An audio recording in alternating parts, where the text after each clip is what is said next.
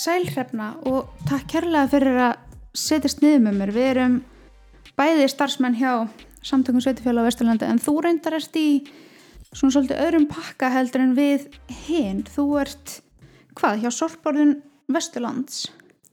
Já, kontur sæl og takk fyrir að fá mig viðtal.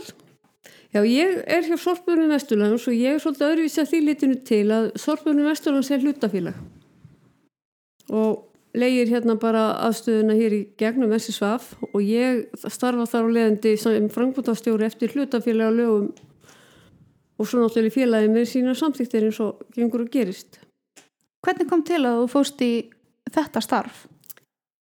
Ég, það er nú svo margt að það er eins og tilvílanir hefur nú leitt mér svolítið áfram í lífinu hvað starfsvettung var það allavega en ég var búin að vera atvinnráðgjaf hérna frá árinu 2006 og svo kom upp aðstæður að þá frangvöldastjóri sem að var hérna inni að Guðun Yngvi Stefánsson, hann var nú búin að vinna alveg að því að undibúningi þessa félags og þetta var heilmikið mál að finna urðunarstað og tók, þetta var langt ferli sem hann stýrði alveg.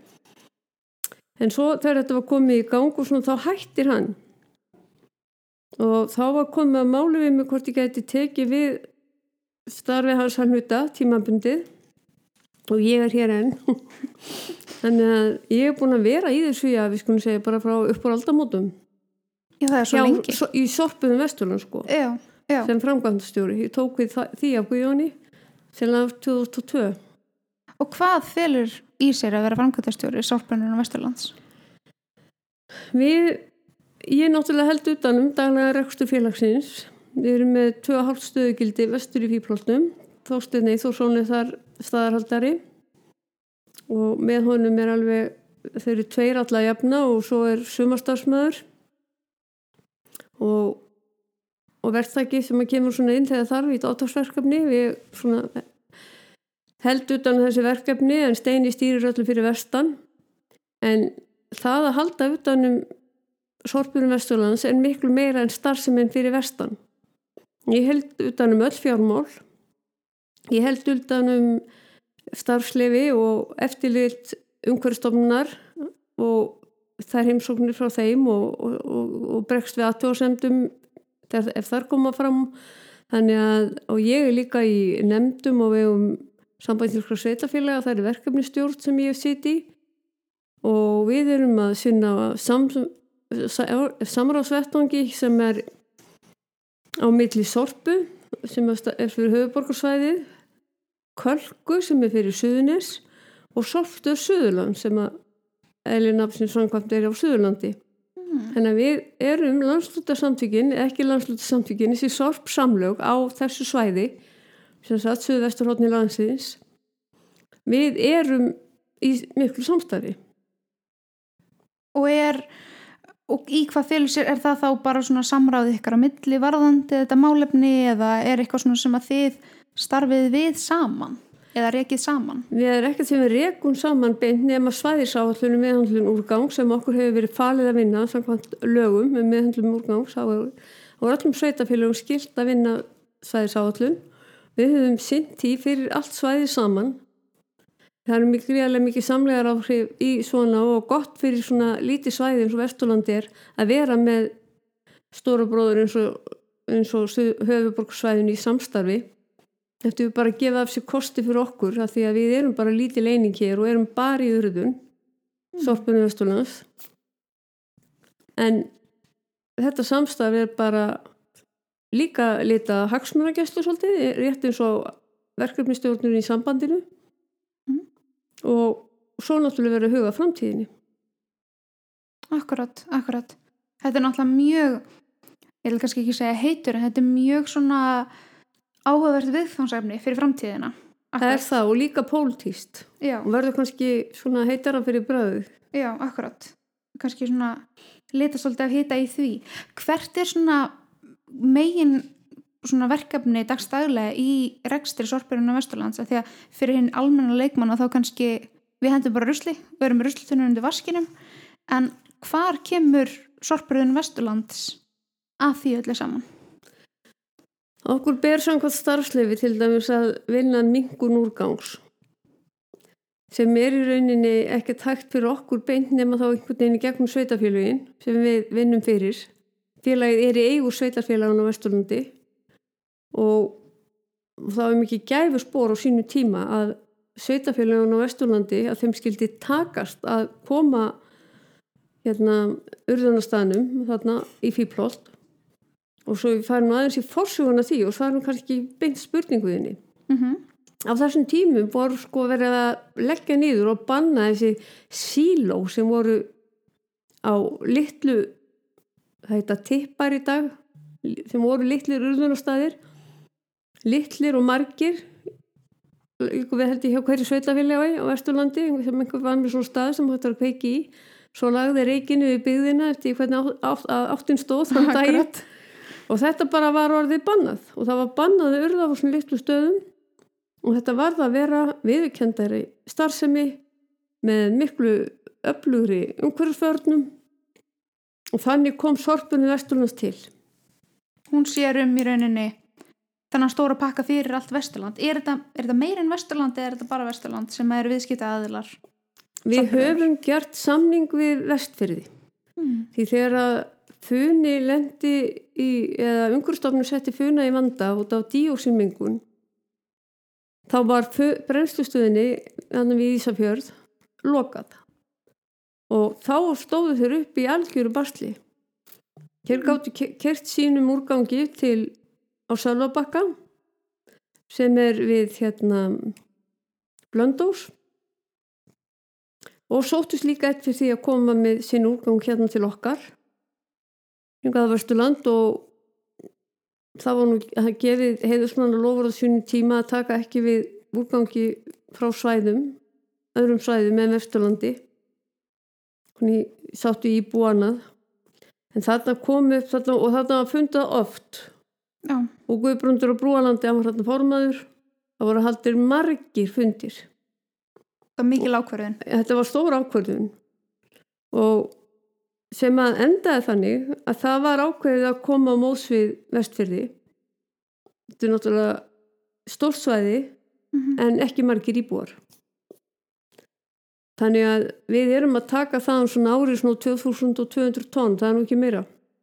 Hvað er það í samhengi við Vesturland? Hvað eru mörg svona tonnsíska Vesturlandi sem komið fara á okkur á ári?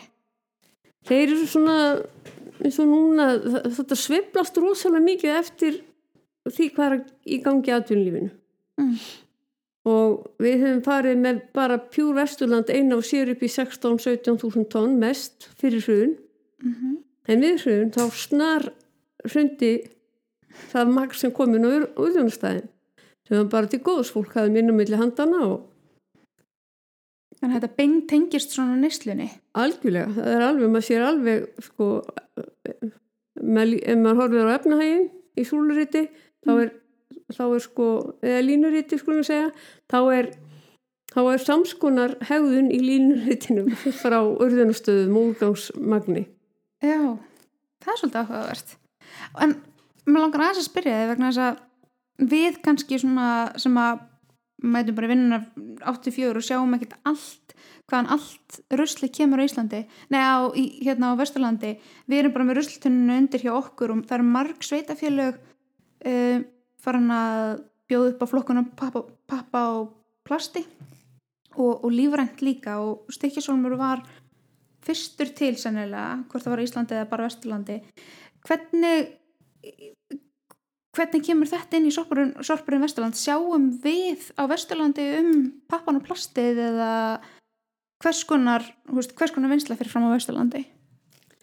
Vinslan á Vesturlandi sjálfu er sjálf sér ekki svo mikil en því að við erum svo lítil. Mm -hmm. starðarhafkamnin í öllum lausnum í úrgangsmálum, hún er gríðarleg. Það er bara heilt yfir. Já, og það er dýrt að flokk eða dýrt, jú, ég segi bara það í, í krónum talið. Og það eru sveitafélugin sem er að láta vinna þetta og þetta endar náttúrulega í vörsum íbúana eða fastegniðanda allavega.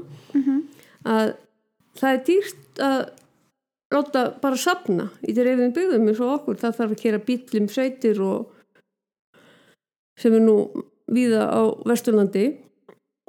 Svo er pappin og tu- tunnan sem að flokkunar úr, úrgangurinn er í og þetta endur, en, þessi endur vinnalegu efni þau eru flutt til nánari flokkunar á bara færiböndum í Reykjavík sem að þjónustu aðlarnar eru með sem oftast er Terra, hverju stjónusta eða Íslenska gámafélagi þessi félugur bæði með með bara sína aðstöður og vinna þar úr því sem inn kemur. Þannig að það fer flokkunin fram frekar pappin er fluttur úr landi og pappir til endurvinnslu oftast í Svíþjóð, það er þó ekki alveg algild en nánast. Og plastið svo spilinni þetta líka að verða mörguð mm, og hvert er að selja plasti núna þá verður að horfa í stöðuna sko hvað er endurvinnslan? Og það sem annað er núna við eigum orðið endurvinnslu fyrirtækja plasti í hveragerði sem er að berjast fyrir því að fá efni og vantar ráefni og það fyrir heilmikið bara be- flutt beint úr landi og þannig er er við komin inn í stofnum sem heitir úrvinnslusjóður. Mhm, sem er til dæmis með úrvinnslugjald á öllum umbúðum. Allur, allar umbúðir sem eru mjög mikið plast. Að þetta er allt og mikið að fara úr landi. Mm, af því að það er bara ódýrar kannski að láta það fara úr landi. Já, en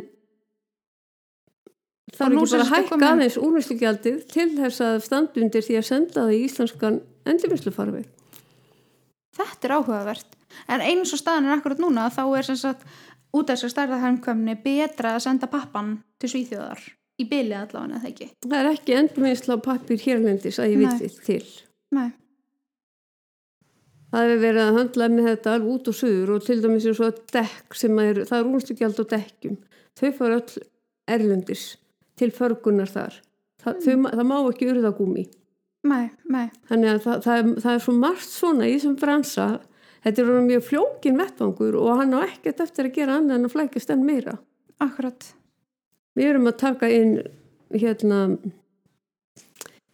inn í, inn í lögin okkar lögum meðhundlun úr gáns það er alltaf mjög oft og, of oft að koma breytingar á þeim vegna þess að Evrópu löggjöfin er að breytast og við erum að reyna aðlaga okkur að henni svona smátt og smátt og reyna og þeir, þar er fullt af markmiðum. Það skulle vera unnin, þetta mikið að pappa árið þetta ár 2035 eða eitthvað og komið hún í 10% urðun 2030 eða 35, ég man ekki hvort er. Mhm. þannig að þú veist, það er fullt af svona dagsetningum sem verðum að reyna að standa okkur við en við Ísland erum mjög lítil í ef við tölum um okkar stærð, við erum svo fáir íbúar sem stöndum á bakvið allar það lustnir sem eru byggðar upp. Gas- og jargerastöðin í Reykjavík þetta er frábært, frábær versmiða eða endurvinnslu tæki til að taka við lífranum úrgangi og moltugeran þetta er náttúrulega bara miljaða dæmi að fara út í svona já og getur kannski að út af stærðsinni eða svona út af kannski smæð réttar sagt samfélagsins að það kannski að lengja að borga sig upp í rauninni Já, já, vakstafstíg er hátt hérna og svo. Morten Martin spilar inn í Akkurat. En er það þá ekki tilgangu félagsins að standa beint í flokkun? Nei, ekki, ekki sjálft félagið eða starfseminni í fýrplóttum. Við gerðum hins vegar litum vinna fyrir okkur eða sveitafélagun á Vesturlandi fól okkur að láta vinna aðtugun á því að setja upp jargerðarstöðu í fýrplóttum en það kom bara mjög dýrt út þannig að við allavega vildum sjá og, og sáum það strax að verktakar eða þjónustæðalegnar geta veitt lagri einingaverð og svo að sjá til hvernig stöðin í hjá Sorpu, Gaia heitur hún. Kæmi til með að virka því að ég veit að það eru sveitafélag á Vesturlandi sem hafa hort til þess að geta farið með lífverðan úrgangin í Gaiu og komið svo við tekið svo á móti einhverju í staðin fyrir þann Já. þannig að þetta hafi verið kallaði skiptisamningar Mm -hmm. í svona þeirri vinnu sem hefur verið í gangi og, og ég held að þetta sé bara ásniðu til að koma lífverðanum úrgangi í mjög góðan farfi. Já. Eru þetta, þá hafa þetta væntalega verið ákvarðanir sveitafélagana hverju sinni að eins og Stikkisólmur var fyrst, svo Borgabið líka og fleiri sveitafélag kannski sem hafa tekið þessi ákvarðan að núna akkurat eins og Borgabið að vera með lífræða lífræðan sorpi síðast og þar voru þau á fleiri stöðum þetta er sérstast einhver ákvarðan sem að sveitafélagin hafa tekið eða hvað? Það eru sveitarstjórnir sem ákvæði þetta alveg og það var sveit og Stikkisólmur, sveitarstjórnin þar á sínum tíma hún röndi brautina í rauninni og það var meira að segja að fara að tala um Stikkisólms leiðina Mm -hmm. og hver að gera var næst á eftir í mann rétt svo hérna Vesturlunars kom inn í þetta Grundafjörður og Kvalfjörðarsveit en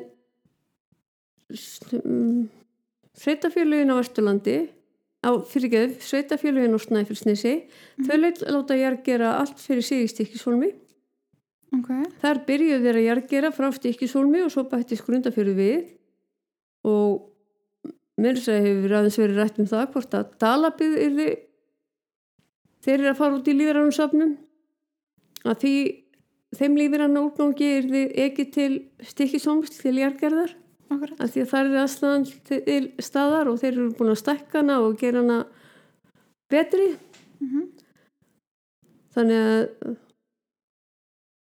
þetta, þetta eru bara sagt, samskipti við verktakan Já, og og útbóðskogn og annan náttúrulega í hverju ferli fyrir sig sem að gefa þessa niðurstöðu og eins og þarna hefur hún bara gefist vel. Já, en ég veit ekki annað. Mæ, mæ, akkurat. Áður við fyrir að ræða fýplolt, mér langar aðeins svona fyrir almenna leikmannin þegar þú nefndir úrvinnslugjöldin áðan. Uh, hvað er það og hvaða áhrif hefur það á sorpurinn Vesturlands að það séu úrvinnslugjöld? Úrvinnslugjöld eiga að minga úrgang og draga úr því að það sé að koma inn til urðunar. Það er henni uppalega markmiðið og ná meiri inn í ströyma sko endur vinslu og endur nótkunar jafnvel. En þetta er til dæmis, þetta eru tollalið. En við notum bara tollaviðmiðið Mm.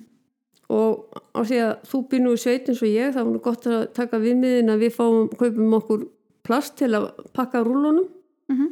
á því er úrvinnslugjald sem fer í sjóði hjá úrvinnslu sjóði. Við bara tökum okkar rúlur og hegjum og svo um veturinn þegar við gefum þessar rúlur og þá verður plastið eftir. Mm þá er orðið hagur fyrir þjónustæðalan að nálga plast, plastið. Sveitafélagi ákveður söfnunina -hmm. og plastið fer annarkvort pressa til útlanda eða eins og verið er að reyna að náðu því meira mæli í hveragerði í fyrirtæki sem nefndi áðan og heitir Pure North mm. Snið, þá er raunin búið að búa til kvata til þess að sækja tilbaka í Já, rauninni ruslið já. Ok, og hvers Þessi, konar Já. þetta plast var allt og mikið að koma í urðun af því að það var engin annar farfiður fyrir það Mhm. nú kemur aðeins rúluplast til urðunar eða bara það er mjög skítugt eða skemmt Já. og ég, fekk eina sendingu í, í hitti fyrra enga í fyrra þú veist þannig að þetta orðið. Já, þetta er svona raf, rafindatæki raftæki, tölfur, símar, allt þetta dót. Það er úrvinnslu gjald á þessu öllu saman. En gallinni sá að þetta er að skila sér mjög illa inn í gegnum kerfi úrvinnslu sjóðs fólk er ekki að skila þessu inn á gámastöðunar Mm. Sem að koma því svo í farveg og, og úrlandi bara til endur vinslu eða þetta er náttúrulega bara ríðið í sundur og, og, og fargað með einhverjum hætti eða endur unnið að endur nota jafnvel. En úrvinnslusjóður er að baksa svolítið með þetta og þetta er bara brasa að fá þetta inn annarkvort er að fólk það er rosalega auðvelt þú ert með bara eitthvað smá að ég seti þetta bara í ruslatunnuna þú veist. Ekki að, ekki að setja þetta í bunkan sem ég fer með á gámastöðuna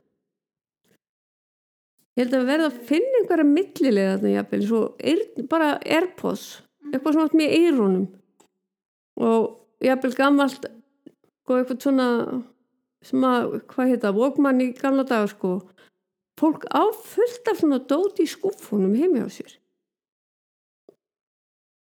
Gamli símar þetta var að vermaðt fyrst, það er ekkert vermaðt núna en hann er samt í skuffunni þetta er mjög algengt held ég. Þetta sé ekki bara, bara farið réttan farveg og það sé ekki hend Æ, já, bara gömlu tölvuna mína, það er nú eitthvað inn á henni sem er alltaf að býða eftir að fara látt og setja á milli en kemði ekki verk. Þetta er bara svona sem að þarna er virkilega verk að vinna að ná meira að rafindantækjum minn. Og hvað er, hvers konar, þú veist, sorp og vörur eru þetta sem er lagt úrvinnsluleiki alltaf á? Þetta eru ráftækin og þetta er brúluplastið? Umbúðir allar Mm -hmm. sem eru að koma náttúrulega til landsins bæði utanum eitthvað dót og til þess að pakka á hér innanlands þannig að þetta er bara þó nokkuð mikið af því sem að þú setur út í tunnu eða ég heima hjá okkur. Og ef við lítum yfir endurvislu tunnuna þá sjáum við fullt af umbúðum. Já. og jafnvel umbúðum sem eru með meirin eina tegund sko í efnisvali. Og það er pappi utan um músina svo kemur plast yfir svo sjáur vöruna Akkurat. og þannig að þetta er svona tvískiptar umbúðir. Þannig að þetta er líka vandi í flokkun og þarf að taka svo sér með höndla einhverstaðar á endarstöð en ég reyni alltaf heima á mér að taka sundur sko plastið frá pappanum ef við slíkt er ræða og það er bara þóngu oft þegar maður fyrir að spá í það. Og létta verkið. já, Þannig að það sé tryggt að það fari á enda stöð. já, En ef við förum aðeins yfir í hérna fýblolt, af því að það hafa kannski margir heyrt um, um fýblolt en kannski ekkert margir kunnið er því hvað er, hvað er starfandi þar. Hvernig kom til að Sorpurinn Vesturlands fær þessa staðsetningu? fýblált örðin var föl og það var búið að kaupa hana með það í huga að setja upp þar urðunarstað af engaðila og svo þegar náttúrulega farið að skoða málinn þá var þetta rosa handleikur að koma upp urðunarstað. Öll þau kerfi og síubeð og vöktunarkerfi og allt það sem það þarf. Þannig að það var þú úr að sveitafélagin kaupa þetta. Eftir mikla skoðun. Það var búið að skoða þetta út í Melarsveit, það var búið að skoða líka vestan kvítársvæði og náttúrulega gera aðtúanir á þeim líka á, verk, á verkfræðstofum og fýrplátt kom þar mjög vel út. Þetta er til dæmis bergið mjög þjætt undir Hvað þýðir það að bergja sér þétt undir? þannig að það er ekki að leka nýri einhver vatnakerfi og kerfin okkar sem að liggja undir því sem við sko yfirborðinu og þeir sem við ekki Já. sjáum og fyrstu reynarnar og, og allar reynardar hafa verið teknar svona milli klapparholta sem liggja svona frá suðri til norðurs þannig að fyrsta reynin sem við tekjum var, var mjög lítill og þá var reyndar verið að urða mjög lítið á þeim tíma því að sveitafélugum voru bara smátt og smátt að koma inn. Þau kom ekki stægin sem opnaði. Þetta var ekki stór sammegilega ákvörðun Nei. strax upp að ég. Jú, það var sammeila ákvörðun. Já, allir komið að mér hlutafé en það var bara ódýrar að setja þetta enn á tippin heima ef ég, gat- ef ég komst upp með það sko. Mm, og við sáum það svolítið. Já. Og þeim, þeim var mikið stríkt þeim... sem voru síðastir Já, að koma inn ég skilji. Og hvað er, sko, að því að þú segir að þarna er urðað og svoleiðis, er, og vestfyrir og svoleiðis fá að nýta þetta núna, er einhver stærðatakmörk á fýbloltum? Erum við að nýta allt sem að, hérna, að vann kvótan á hverju ári? Já, já, og vel þanniglega sko, það hefur verið þannig gangur í, í hérna atvinnulífi jafnvel þó svo að ferðarþjónustanna ferði út að þá er rífandi gangur í atvinnulífi og til dæmis í byggingariðina hefur verið að heilmikið að gerast. Það kemur inn til okkar. Mm. og 15 15.000 tonn er, eru takmörk okkar í starfslefi en við erum yfir honum og búin að vera það þrjú ári röð. Og höfum þar að leiðandi fyrst og nefnir þetta að vera að vinna því að fá stekkun og starfslefi svo við þurfum því að í eftirliti fyrir umhverstofnun það var alltaf að gera aðtóðsendir við það sem ekki stennst og þetta er náttúrulega aðtóðsendi hvert einasta skipti þegar við erum umfram mörkin. Og við hefum bara viljað sækjum rífleft leifi 25.000 tonn var að setja upp alveg myndina. Mhm.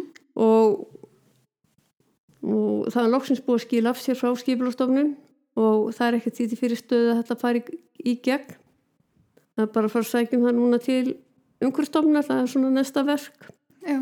Hvað þýðir þetta leifi fyrir sorpurðin? Í bara það við erum, við erum ekkert að fara að gera eitthvað meir út á urðunum en verið hefur Mm. verðum alveg með sömu mörg í, í okkar vinslu en við erum bara fyrst við erum manna bara að þessu Akkurat. og þetta er bara miða við þá reyn sem við erum urðað í dag en innan bara nokkra mánuða við að fara að láta vinna undirbúnisvinnu að nýri urðunareyn sem kemur þá austan við það svæði sem við höfum verið að vinna í dag Hafa orðið ykkur nýjungar og tækni í þarna upp í fíplóldi eða annars þar sem hafa breytt svona hvernig þið vinnið í sorpurðin? Sko það er nýjungar sem að við höfum verið með. Sko stafurinn er vaktaður og hefur alltaf verið gert.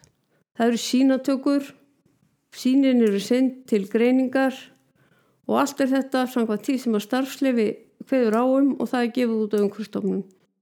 Stefán Gíslásson hérna um ís, hann hefur séð alveg um þetta fyrir okkur, þessi umhverfisvöktun.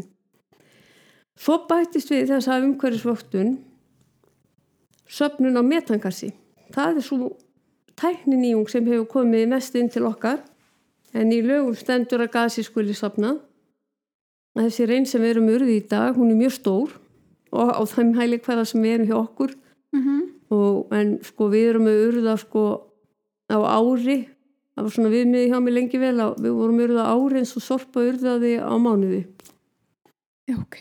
Þannig að sko við erum mjög lítill Já. urðunarstaður þú hægt sé að gera úlfa, úlvalda úr mínfluga þá er þetta bara lítið staður. Mm. En í reglugjað þá, sa- þá þar standur skýrt gasi skal safnað. En við komumst upp með það að býða með gasöfnun þá til þessi reyn var komin sem nú er í gangi. Og eftir hluti reynarinnar, þriðungurinn, það var lagt í hann gasöfnunarkerfi. Og það var fyrsta heila árið 2019 sem það var ekki og, og þetta er svona svolítið, þetta er svolítið kerfi maskína sem að breytir metani. Metan verður til í högnum af því við erum að urða lífrann úrgang. Lífrann úrgangur rótnar og við það myndast metan. Og það er mjög slæmt fyrir andurslaftið gróðurhús áhrifin miklu miklu vera en koldisýringur þannig að við erum að draga gasið úr högnum og það er dreigið heimundir skemmu þar sem er gámur. Og svo gámur inn í heldur maskinu sem að umbreytir metaninu í koldisýring sem liðast svo hægt og hljótt upp úr reykjápnum sem á, er á þessum gámi. Mm. og þetta er heimikið umstangi kringum þessa greiði og við þurfum að mæla gas í hverju meinasta mánuði og senda það til umhverfstofnunar og þetta er allt tengt þessari vinnu með gáminn þannig að stundum sloknar á honum og þá sendir hann SMS það er slögt á mér og þá þarf að fara að ræsa hann og Þannig að það er svona alltaf meira og meira sem kemur inn sem að þar vorði sko, ég bara meira að hugsa um. Mm. Þetta er alltaf að vera flóknar og flóknar rekstur í rauninni. Já, svona hann krefst meira. Og það er náttúrulega þeir sem er vinn á staðnum að, að þetta er bara heimikil umsýsla að skráni yfir alltaf, kíkja á gámina mótnana, vita hvað það rennur úr yfirfallsröri og tekka á fytuskiljum og þú veist, svona ímislegt sem er á svæðinu sem maður þarf að vakta Mm. af, af starfsmörnum og svo kom þeir alltaf frá Resource International sem er verkfræðstofi í Reykjavík sem að hefur mikið verið sérhæfið í þessum metagass söfnun og því dæmi öllu saman þannig að vöktunin er þar á svo er það kannski hluta mínu ver verkefni er að halda utanum svo þetta allt saman í skýrslugerð og koma því til skila til umhverfstofnunar bæði frá Resource frá Umís eða Stefánu Gíslasinni Mm. og skrifa upp úr þessu grænt bókald ef við komum að sinna hvað er grænt bókald að því maður heyrir þetta frekar oft og svona en kannski ekki dráslega margir sem að vita hvað það þýðir hvað, hvað ferði út úr grænu bókaldi Sko, grænt bókald er, það er sérstök lög til um grænt bókald og það er bara eitt stig á svona umhverfisvottun. Það búið, maður er tala um Ísóstala 14.01 sem gengur enn lengra. Sorpa til dæmis, hún er þar. En hjá okkur er grænt bókald og við þurfum að skila bara inn gögnum sem eru til dæmis mælingar, sorpmagn, mæ, það er sortmagnir alveg bara hvað er að koma inn og hvernig skiptist það með millir flokka? Mm. hvað er ég að fá inn á sláturúrgangi og döðum dýrarhæðum hvað er ég að fá inn að byggingaúrgangi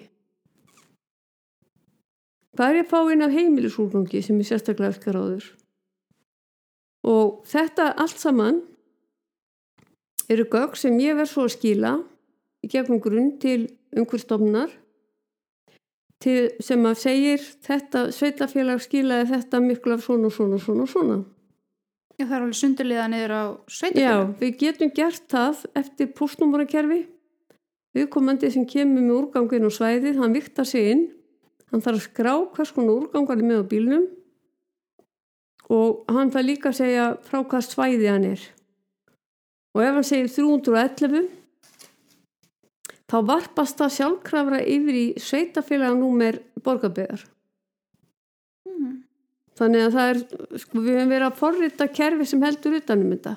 Þetta er eitt af þessum af Evrópureglum, það er verið að fikra sér átt að því í, í talna maks utanumhaldi og þetta er hluta af því. Úrgangsmagn er, það er verið mjög erfitt að halda utanum það hérna á Íslandi. Þetta er hættan og tvítelja er alltaf til staðar og svo er talsveit mikið um það að ekki sé rétt skráð og annað þess áttar. Mm. En við höfum reynda að vera að standa okkur í þessu. Þetta er bara eitt, eitt af verkefnunum sem eru til svona mínu borði og er að koma svona alltaf fram í, í samtalin eftir sem á það líður hjá okkur Já. Já, það er ansið margt að þinni könnu. Já, þetta, þetta er bara, tal, þetta er bara talsvært utanumhald. Já, og það er greinilega mjög flókið eða svona mikið utanumhald og mikil umgjörði kringum umhverfis þetta eða svona sorpurðun og, og allt sem þessu umhverjum tengist. þættirnir og grænum bókaldið, Mhm. það er magnið, það er alla tölur sem að umis eða sínin sem umis tekur eru sendt á matís. Eða marst í mann ekki? Já, til frekari greiningar. Og sumur eru sendt úr landi. Hann fær til sín niðurstöður allara greiningana og setur það upp í töflu sem er alltaf fylgir með græni bókaldi og myndir og annað þessar og þetta er allt saman tjekkað af að því að grænt bókald hjá mér þó ég sé búin að skrifa það þá sendi ég það til í löggild endurskoðun alveg svo fjárhagsbókald og það er allt sem í því kemur sannreind að það sé rétt. Já, ég skilji. þannig að ég fæ fyrirspörn geti fengið afrit af öllum hérna niðurstöðum greininga og sínum fyrir árið 2020 Í það, það þarf reyndir alltaf að fara frá Stefánin til endurskoðanda sem að tjekka þetta sé rétt. Það er ákveðin við með líka græna í hérna starfslefi sem þarf að vera innan og passa sé í lagi. Þannig að þetta er eins og bara hvert annars heimilsald það er í mörg hórn að líta. Já, og bara afskaplega í rauninni, þetta er stort heimil í Vesturland. Já, bara uppalega þegar ég kom með sorpunum vesturinn þá vorum við nú bara urða bara plein og allt miklu einfaldara en rinnir í dag. Já, ég verð nú bara viðkenna það ég var alveg svo rati. Ég vissi ekkert hvað snýr upp eða niður en byrjaði bara einhvern veginn. Já, en það kom mér mjög mikið til góða að vera í samstarfi og hitta fólk á þessu vettvangi. Hitta fólki sem var að vinna í sorpu, mynda tengsl. Það var maður í sömu stöðu ég á Suðurlandi, reyka urðunarstað og en hann var meira með sko inn í rekstrinum í söpnun hjá sveitafélagunum mm. Já, ég skilji. og þau tengsl voru mjög dýrmætt ég er ekki mentu í umhverfsfræðum en ég met ekki ímislegt á þessum tíma Mm Heilin kannski stækka um nokkuð númer í þokkabóti við þetta allt saman. já, kannski bara Já. já, hann var alltaf mann að hugsa að það er gaman að fara í umhverfsnám en ég gerði hann aldrei en tók kursa samt upp á kvannri Í einhverju svona tengdu umhverfis. Já. um, umhverfismálum og, og skipulagsfræðum Mm og kom hann svolítið á þetta líka Fannst þér að dýfka skilningin? já, já, það gerir það Já. En svo við ræðum aðeins framtíðina að það nýlega var unnin stefnumótun fyrir sorparið Vesturlands. Mér langar hans að ræða við því hvað í rauninni kom út af þessari stefnumótun og hvernig þá framtíð sorpirðu er háttað í landslutanum. Hverjir stóðu að þessari stefnumótun? Hverjir sátu við borðið? Það voru fulltrúa sveitafélagana, það, átti, það var stjórnin og þeir sem ekki átti fulltrúa í stjórn, það er sjömanna stjórn og tveir frá Borgaböð og tveir frá Akramskjöfstað, mjög stærstu eigandutir, að þeir hérna komið fulltrúa, minni sveitafélagin og þeir sem ekki áttu fulltrúa við borðið. Þetta var heilmikil umræða og mannvitt verkfræðst og vann fyrir okkur. Teitur Gunnarsson sem er efnaverkfræðingur og hefur unnið að svæðisáallun meðlun úrgáms fyrir semst suðvestur hóndins á landinu sem svo ég var að lýsa í byrjun samtals okkar Akkurat. og hann kom inn í þetta með okkur og hann er mjög fróður í þessum efnum en við sjáum það að okkur ber að minga okkur, þá meina ég sveitafélugin Mhm. ber að minga urðun úrgangs. Það er bara eitthvað sem að verður að gerast og það gerist ekki öðruvísu en að komi til sorprensla Ok. og það verður að farast að vinna við það að físileika greina sorpu eða ekki Mm -hmm. físileika greina brennslustöð hvaða svæð og það hefur nú verið í umræðinni sko, það ætti að verða að vera stöð sem þjón í landinu öllu Ein svona brennslustöð sem Já. væri þá fyrir allan. alveg verið stöð Ok. sem væri bara 70 til 100.000 tonna stöð Mm. því í dag eru sveitafjölu farin að flytja út sorp til brennslu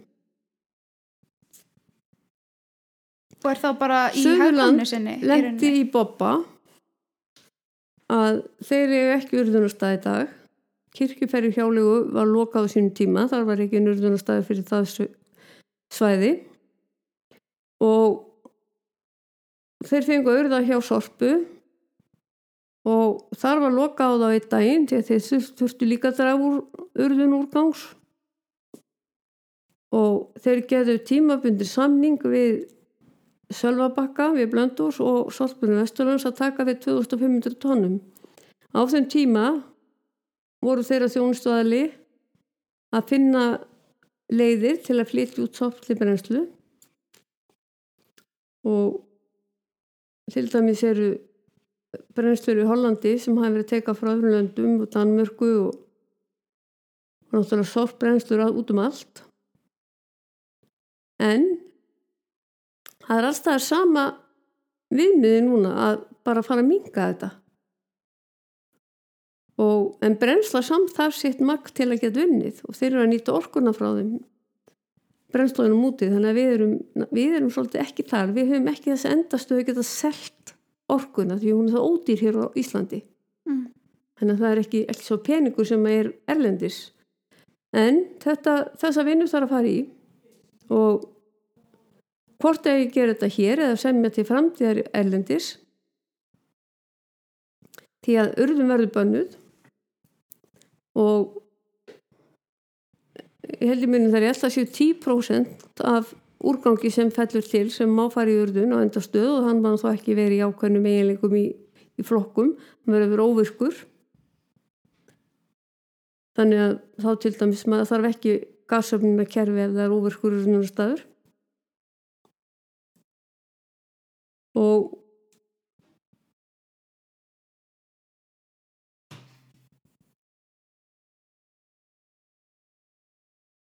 hættan er í dag og sem er í kortunum að lönd erlendis eru með framtíðaplönum að loka á úrgang til brennslu frá öðrum löndum.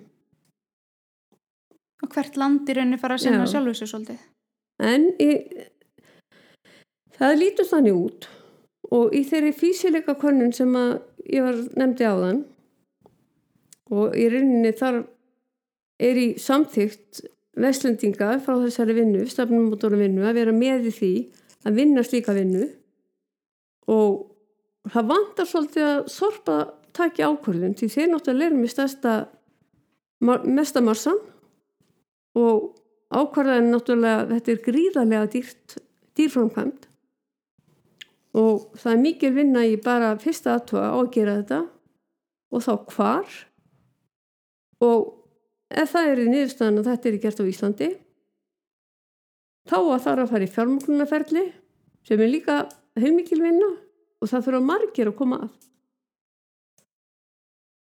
þannig að þetta er, þetta er stórt verkefni og þetta bara þarf að fara að byrja því að bara tímasetningar í Evrópulöggefinni sem, sem er reyndar ekki allt orðað að lögum hérlendis, þannig að löggefinu í Íslandi sér aðeins reyndarlega Mm -hmm. En samt sem áður, við vitum hvað komur skal þannig að við verðum að vinna hratt Já. Er þetta ekki eitt af bara stóru áskorunum sem eru framöndan í rekstri sorpurinn á Vesturlands? Það er hvernig Jú, okkur var henni, stjórninu var falið að vinna bara áfram með samnámsnefnd Suðvestur Hórsins að þessu máli en svo náttúrulega um það er því stofna náttúrulega sérstakur hópur svo áfram og kannski samráðsnefndi þar á hliðalínni en við verðum bara að vona að besta að þetta fara að gerast eitthvað Mhm. en þetta er náttúrulega fyrir allt inn í bækur sveitafélagana sem skuldir og það er náttúrulega þetta er svaka framkvæmt Já. Þetta er spurning um framtíðina og að okkur takist vel til, þetta er náttúrulega mjög stór partur af í rauninu því að vera manneskja. Það er hvernig við svona göngum frá því sem við látum frá okkur. Þannig að, Já, þetta er, þetta er gríðarlega mikil áskorun í, úr- á úrgangsvettangi í dag. já, Mjög mikil og, og það vandar mikla kynningu og mér sýnist allt benda til dæmis en dæmi á nefna að það verður ekki leifilegt að innheimta fastegnarska eða sko sorpgjöld af íbúðarhúsum eins og verið hefur samkvæmt fermetra stærð eða einhverju slíku það verður mengunabóta reglan pay as you throw já, þú borgar fyrir það sem þú þarft að henda Já.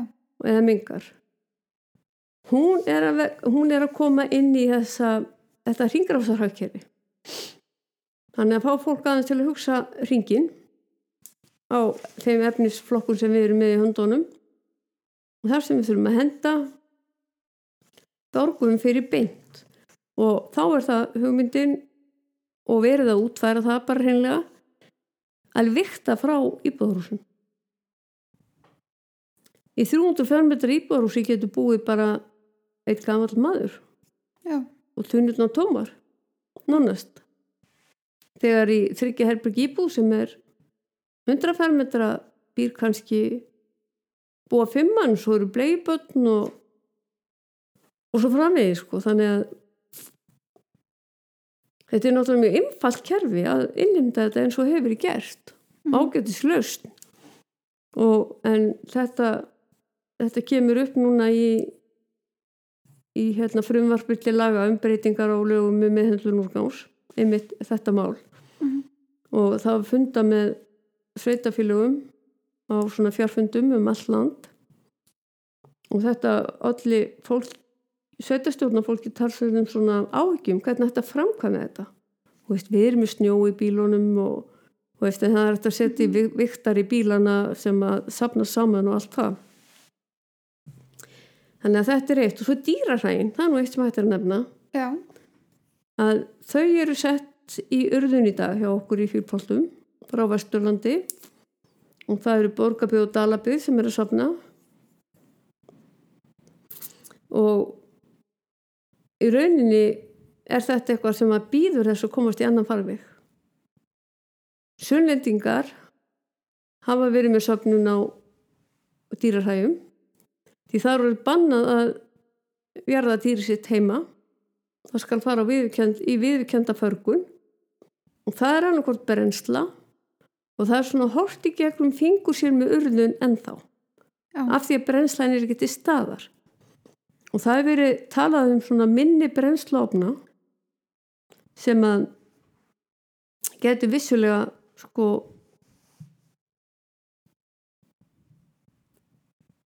bjargað minnisvæðum skulum við segja Já.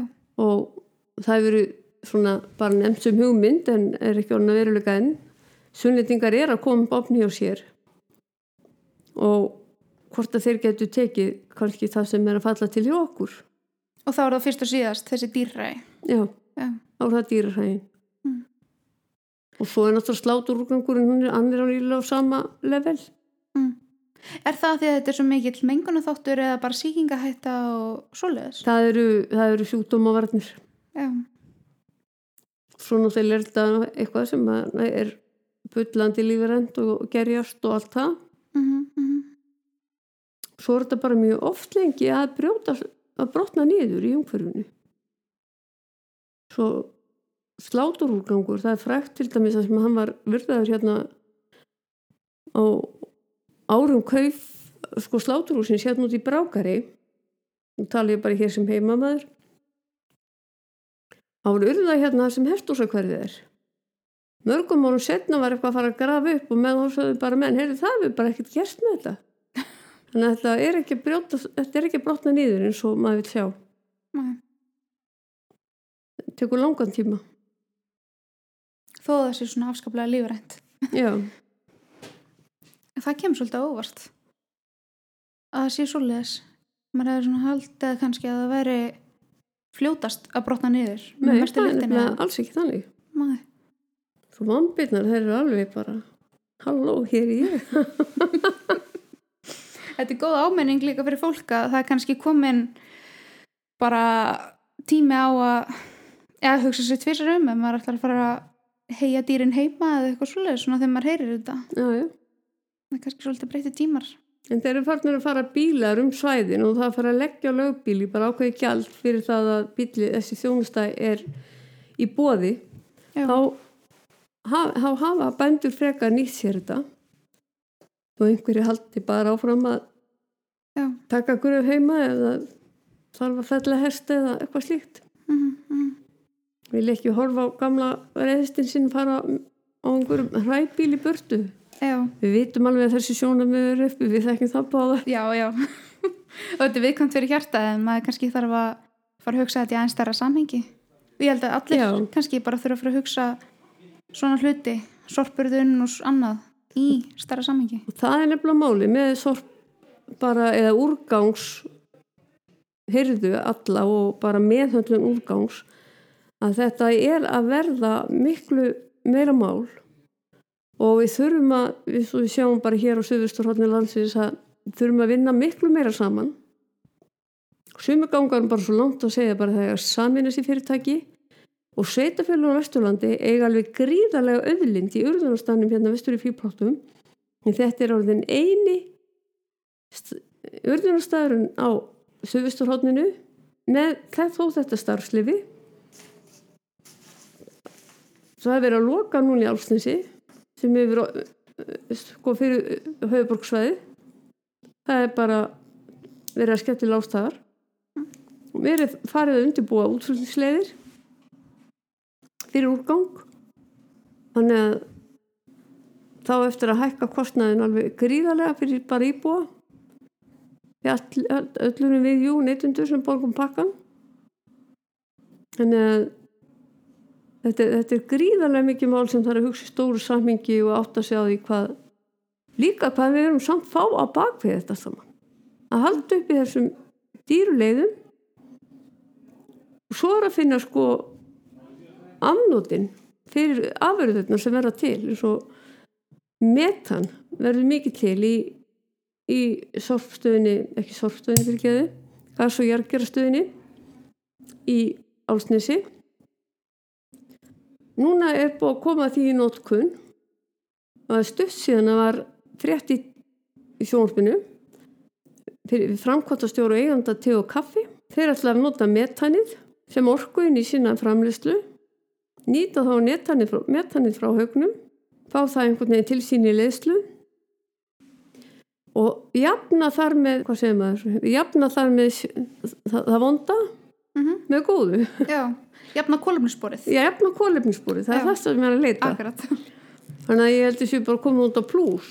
Já, það er einnig hérna mannbyggunar stöðu upp á höfða sem fær líka til sín metan inn í sína framislu þannig að mér finnst þetta er rosalega flotta fréttir.